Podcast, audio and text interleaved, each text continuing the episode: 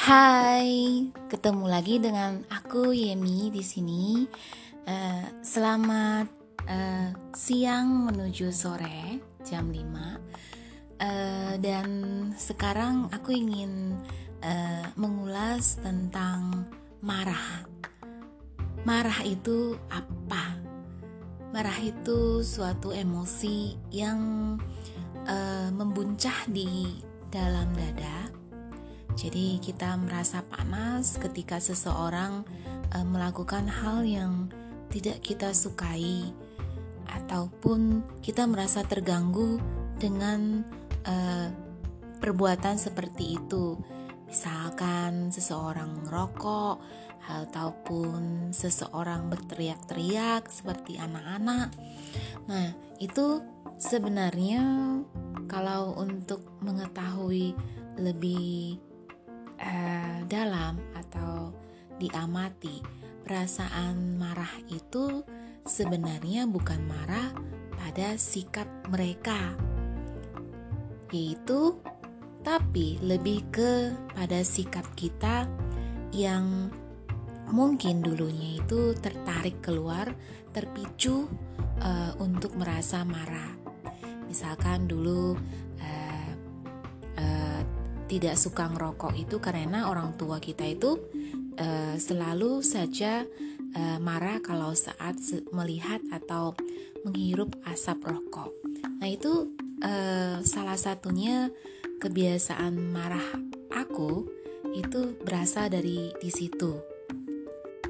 Apakah marah itu wajar? Nah, pertanyaan ini harus diteliti lagi. Ada yang berpendapat bahwa marah itu tidak wajar dan tidak boleh merasakan perasaan seperti itu. Dan balik lagi, kita ini makhluk yang diciptakan oleh Tuhan dan kita lahir dengan perasaan, dengan emosi, dan juga dengan pribadi yang sudah diatur oleh Sang Pencipta. Jadi, aku boleh bilang, marah itu wajar tapi yang tak wajarnya itu reaksinya. Pasti setiap orang pernah merasakan begitu membenci seseorang, begitu marah, dan marah itu bisa memicu kita itu kehilangan kontrol diri.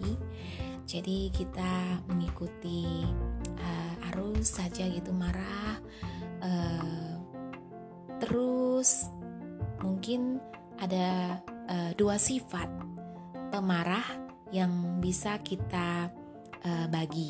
Yang pertama itu marahnya itu lempar-lempar barang, siapa aja marah, pokoknya uh, seperti menyalahkan orang tersebut, menyalahkan kondisi tersebut, atau sampai kita tidak bisa berpikir lagi, kepala sudah panas, sudah kayak meledak, meledakkan eh, kata-kata uh, yang kotor, kasar, yang menyakitkan orang dan bahkan itu kita tidak tahu ya konsekuensinya itu ke orang bagaimana. Jadi kalau waktu saat merasakan marah lebih baiknya kita mengambil napas dalam dalam dan menghembuskan. Memang itu tidak mudah karena butuh latihan. Aku sendiri aja dulu emang pemarah yang sejenis uh, yang nomor satu ini marah keluar. Kalau sudah marah tidak terkontrol kemungkinan akan menyakiti seseorang. Nah benar-benar uh, harus dilihat apa alasannya yang membuat uh, kita ini marah membuat ini kita merasa tidak enak di hati itu uh, ataupun uh, karena suatu batas yang udah dilanggar.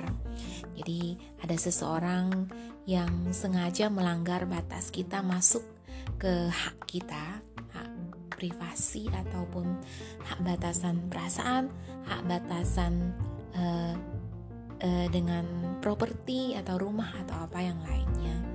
Mungkin kita harus uh, mengontrolnya, mengontrol diri marah dengan cantik gitu ada sih ada bukunya bukunya itu tentang marah uh, jadi ngomongnya itu tidak memarahi orang tersebut tapi mengekspresikan diri kita bahwa kita itu ngerasa terganggu bahwa uh, kamu telah memasuki wilayahku secara tidak minta izin, secara tiba-tiba begitu. Bolehkah kamu keluar atau gimana? Nah, kalau misalkan orang itu uh, masih punya nulari, masih punya akal sehat, uh, mereka mungkin akan menghargai kita bila mereka bersikapnya uh, keras juga setelah kita sudah bersikap lembut dengan mengutarakan perasaan kita tanpa menyalahkan dia.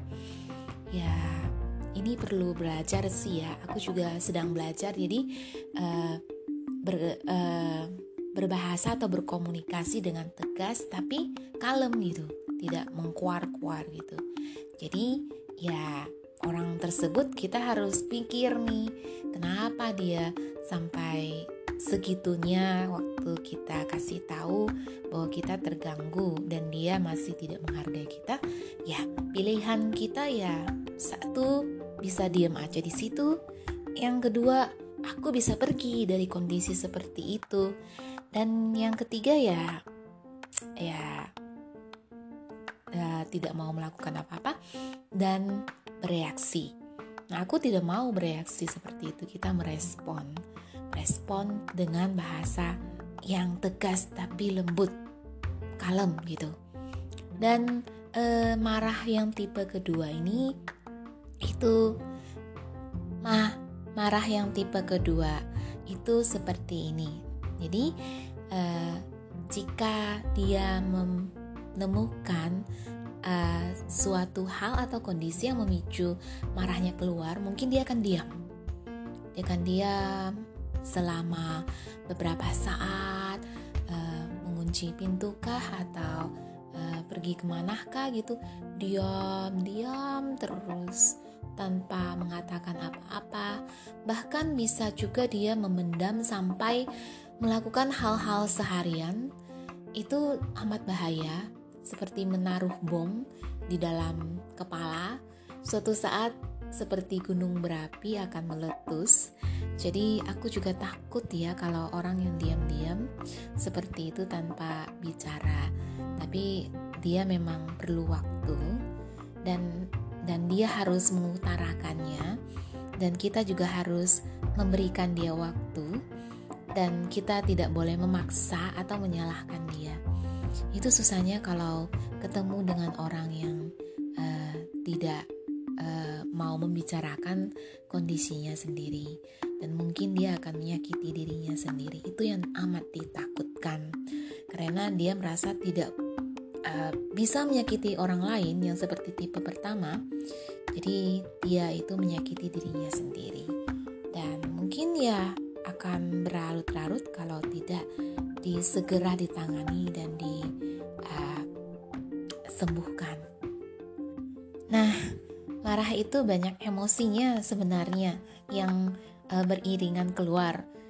Bencilah dan juga irilah itu Pokoknya marah itu kita anggap sebagai musuh bagi manusia. Tapi untungnya marah ini kita bisa jadiin sebagai alarm untuk tubuh kita supaya kita mengetahui bahwa kita ini ada masalah dengan pemicu ini. Jadi pemicunya itu uh, ada apa sebenarnya? Uh, kadangkala kalau ada sesuatu hal yang benar bahwa seseorang itu telah memasuki wilayah atau batas kita yang kita sudah atur batasan, misalkan untuk tubuh tidak boleh disentuh di bagian mana-mana sebelum kita kenal dengan uh, dekat, ya, seperti seseorang ingin memaksa hak kita. Nah, itu kita perlu marah, reaksinya itu bermacam-macam, dan uh, kalaupun uh, otak kita itu tidak bisa berpikir cepat itu bisa berpikir di otak yang di, biasa dipikirkan oleh uh, binatang reptil. Jadi ya usahakan kita adalah manusia, kita akan memikirkan secara akal sehat, nurani, bahkan berempati dengan mereka. Nah, ini perlu latihan amat sangat, dan aku uh, berlatih dengan membaca buku uh, Non-Violence Communication Rosenberg. Itu penulisnya. Mungkin uh, kalian boleh uh, membacanya. Itu dalam bahasa Inggris dan uh, menerjemahkan dalam bahasa Indonesia untuk lebih lembut dan lebih berempati kepada orang-orang yang tiba-tiba marah atau emosi. Nah, untuk kita sendiri, kita harus uh, melihat lebih jauh lagi kenapa kita marah.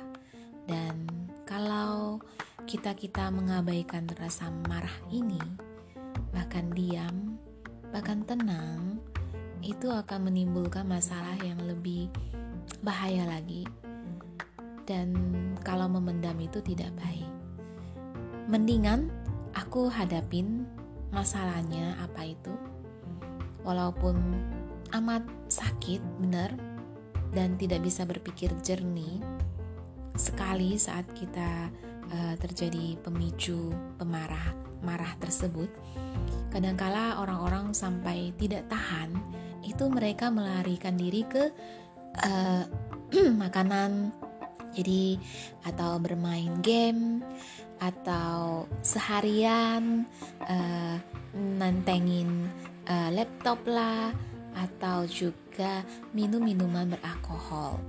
Bahkan merokok salah satu uh, dari pelarian rasa sakit uh, terhadap uh, suatu keadaan masa lalu yang timbul lagi seperti itu.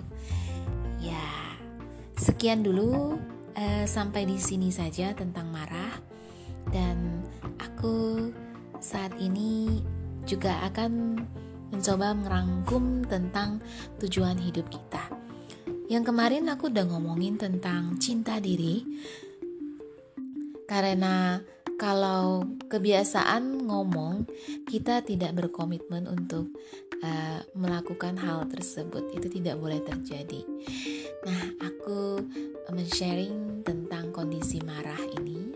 Semoga kalian juga uh, bisa sedikit uh, tercerahkan dari pengalamanku ini. Dan sekarang aku tidak hampir sudah lama tidak melempar barang. Marahnya itu uh, dikontrol dengan mengucapkan kata-kata ekspresi. Walaupun orang lain tidak perlu menerima perasaan kita karena perasaan itu tanggung jawab kita sendiri. Seperti itu. Karena itu dunia ini bukan milik kita seorang.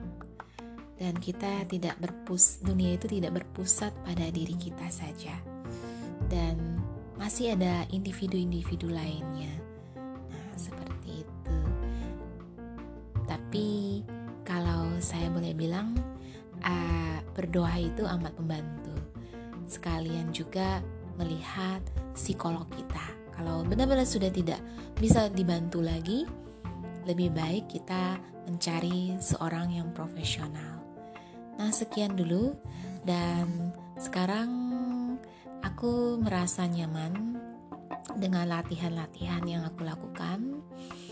Uh, dan saat ini aku ingin menjadi orang yang kalem, lembut, dan juga bisa mengutarakan ekspresiku uh, saat aku merasakan sesuatu yang tidak enak di hati. Selamat belajar juga ya bagi kalian. Uh, sampai jumpa lagi di episode berikutnya. Cai channel, siwang ni kang, tetap sehat ya teman-temanku. Dah.